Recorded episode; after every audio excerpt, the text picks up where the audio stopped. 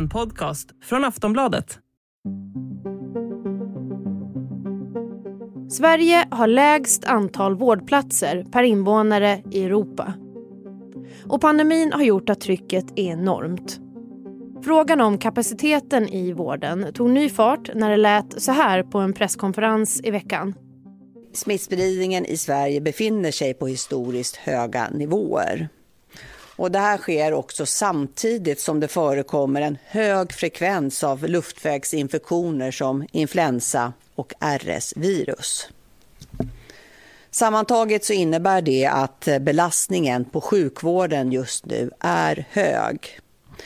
Och om sjukvården och sjukvårdens medarbetare ska klara sina uppdrag långsiktigt, ja då behöver vi få ner smittspridningen. Det sa statsminister Magdalena Andersson. Motiveringen var att det införs restriktioner för att avlasta vården, inte bara på grund av covid utan också en extra illvillig influensasäsong och så RS-virus. Så hur står det till med den svenska vårdens kapacitet egentligen? Sverige ligger alltså i botten med lägst antal vårdplatser och det per 100 000 invånare i Europa. Och att det blir färre platser i sig, det är i sin ordning kan man säga. Det är inte bara här som utvecklingen går i den riktningen. Kunskapen går framåt och det krävs inte längre veckor inlagd för mindre åkommor. Men utvecklingen med färre antal vårdplatser, den har gått alldeles, alldeles för långt. Det menar överläkaren Daniel Molin som jobbar på Akademiska sjukhuset i Uppsala. Han har upplevt många situationer där han stått inför svåra beslut eftersom det helt enkelt inte finns plats för patienter som egentligen skulle behövt ligga kvar. Han är gäst i det här avsnittet och vi ska prata om vad antal platser egentligen säger och vad det ger för konsekvenser. Finns det andra aspekter att se till? Hur har det blivit så här och vad kan göras åt det? Varmt välkommen att lyssna på Aftonbladet Daily. Jag heter Amanda Hemberg Lind. Daniel Molin, överläkare på Akademiska sjukhuset i Uppsala. Kan du börja med att beskriva hur det kan se ut under ett eh, arbetspass för dig? Ja, det är en situation som innebär en etisk stress. Det är hela tiden svåra beslut. Vilka patienter kan man e-, egentligen lägga in? Och ja, man har, man har, eh, mycket av tiden går åt till möten och där man får diskutera hur man ska lösa det här pusslet med patienter och, och platser. Sen är det ju medicinskt tungjobbat också. Patienterna är ju i den här situationen ofta utlokaliserade på en annan, en annan klinik där personalen inte känner patienterna och inte har erfarenhet av den typen av sjukdom. Och det är ofta inhyrd personal. De har inte erfarenhet av den typen av patienter och sen så måste man rent praktiskt gå runt hela sjukhuset för att ronda patienter och det är både tidskrävande och ineffektivt. Men du upplever alltså att det, är för lite? Det är för lite plats? Ja, det är ganska tydligt. Man, man kan ju diskutera olika problem och, och möjligheter till att eh, rationalisera vården på olika sätt. Men det hela kokar ner till platsläget, alltså platserna räcker inte till. Sverige ligger i bottenskiktet när man tittar på antalet vårdplatser per, per 100 000 invånare i Europa. Ja, ja, vad säger det här och vad ger det för konsekvenser? Mm. Ja, det, det, är helt riktigt som du säger. Vi ligger i, i bottenskiktet, eller vi, vi ligger allra längst ner av alla. Och en vårdplats, det, det, är inte bara en sängplats, det är, inte, det är inte bara en fysisk plats på ett sjukhus, utan det som avgör här det är personalen som bemannar platserna. Så man räknar in personalen i den här när man säger en plats? Ja, alltså vi har ju väldigt få platser i en internationell jämförelse i grunden. Men sen det som är värre det är att vi inte ens kan bemanna de här som vi har och det blir en ond cirkel. Alltså om man har för få vårdplatser då blir arbetsmiljön sämre. Det leder till att personal slutar. Det blir svårare att rekrytera ny personal. Då kan man hålla ännu färre eh, platser öppna. Så att det, blir en, det blir en ond cirkel som är svår att komma ur. Det är inte bara antal vårdplatser som inte verkar vara tillräckliga. Det är för långa köer och för svårt att hamna rätt i vårdkedjan. Väntetider och bristande tillgänglighet det har varit ett problem i Sverige under lång tid och det läget försämras varje år. Det här skriver flera experter inom området som på uppdrag av regeringen utrett läget inom vården med fokus på att korta köerna. Vi ska höra överläkare Daniel Molin igen om hur andra aspekter förutom antal vårdplatser kan spela in. Det, det finns eh, definitivt andra aspekter och eh, helt andra delar av, av eh, vårdkedjan som eh, primärvården som är svårt pressad och underdimensionerad. Men, och det sätter ännu mer press på sjukhusen. Så det funkar inte heller menar du? Nej, precis. Så att det, det finns många saker att ta tag i. Men, men det kvarstår ändå att, att eh, vårdplatserna är avgörande och de är för få. Det, det ser man när man jobbar på en avdelning.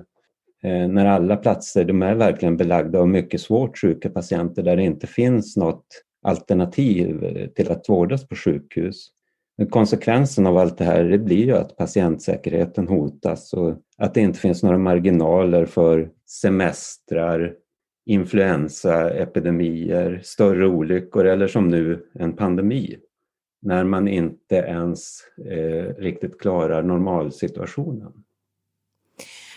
Och sen går ju utvecklingen framåt hela tiden. Det, det, har ju, där vi står just nu är ju också en, eh, i en utveckling också kan man säga av, eh, av vården och vad som finns möjlighet att göra. Det finns en annan kunskap, man kan behandla effektivare och snabbare. Är det inte bra då att hållningen är att det inte ska vara så många på sjukhus inlagda? Absolut, det är helt, helt riktigt.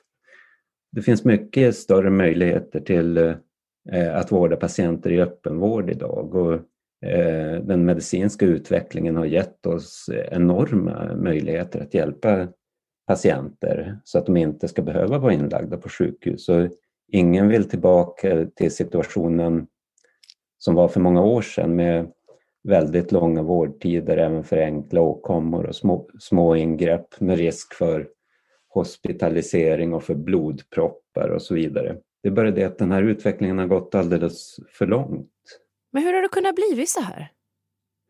Jag tror att mycket, eh, utan att propagera för någon stor omorganisation för sjukvården, så hänger mycket på att de enskilda sjukhusen och regionerna, de de klarar inte den här uppgiften. De har inte resurserna och i vissa fall kanske inte kompetensen för att reda ut den här situationen. Men, men jag tror att det här det bygger på många politiska beslut genom många år och det är inte en enskild händelse som har lett till det här. Men, men eh, sjukhusen, de enskilda sjukhusen och regionerna, de klarar inte inte själva av att, att lösa den här situationen. Men utifrån din erfarenhet och vad du ser, är arbetsbelastningen för, för läkare och övrig sjukvårdspersonal hållbar enligt dig? Då?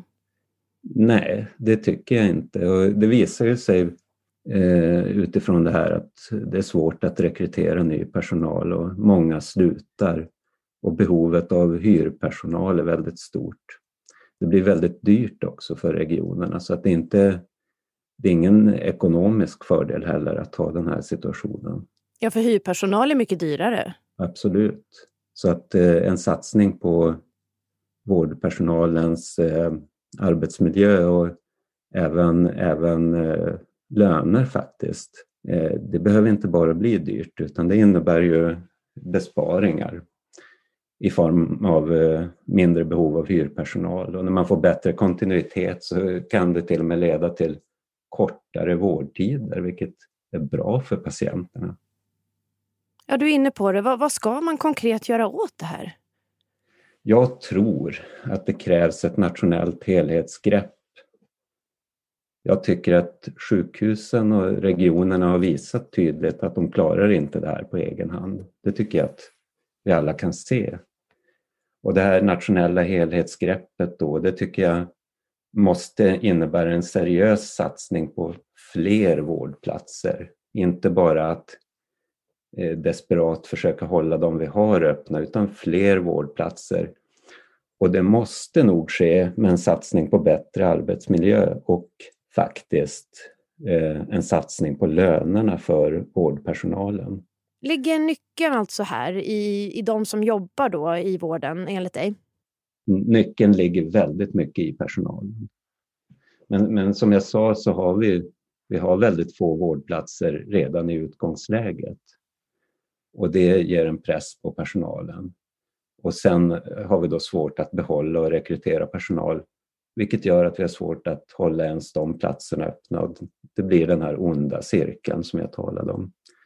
En sån här satsning, den, det krävs ju resurser. Det, det är stora samhällsresurser som krävs för det här. Men i slutändan så tror jag inte att det behöver bli så dyrt som man kan tro. För en bättre arbetsmiljö för fast personal det minskar då behovet av den här dyra hyrpersonalen. Och vården kan också bedrivas mer rationellt. Man kan få eh, bättre kontinuitet i vården.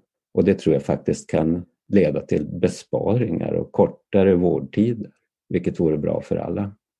Vårdens kapacitet, ja det diskuteras ju som, som aldrig förr nu då i och med pandemin. Vad, vad tror du om tiden framåt nu? Kommer det att påverka eller inte?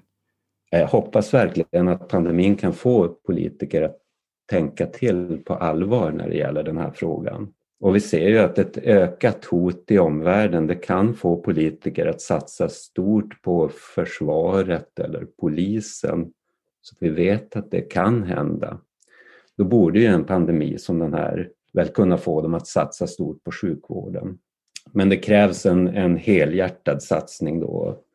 Jag tycker att det borde vara en av de största frågorna i valet som kommer. Vad tror du då, blir det det? I grunden så är jag optimist. Jag tror att det blir det. Jag tycker att det, är helt, det vore helt orimligt om inte ens pandemin kan göra eh, vårdplatserna på sjukhus till en stor valfråga. Det säger Daniel Molin, överläkare på Akademiska sjukhuset i Uppsala. Jag heter Amanda Hemberg Lind och du har hört Aftonbladet Daily vår dagliga nyhetspodd. Du får hemskt gärna prenumerera på oss för då har du koll på när vi släpper nya avsnitt. Tack och hej då! Du har lyssnat på en podcast från Aftonbladet. Ansvarig utgivare är Lena K Samuelsson.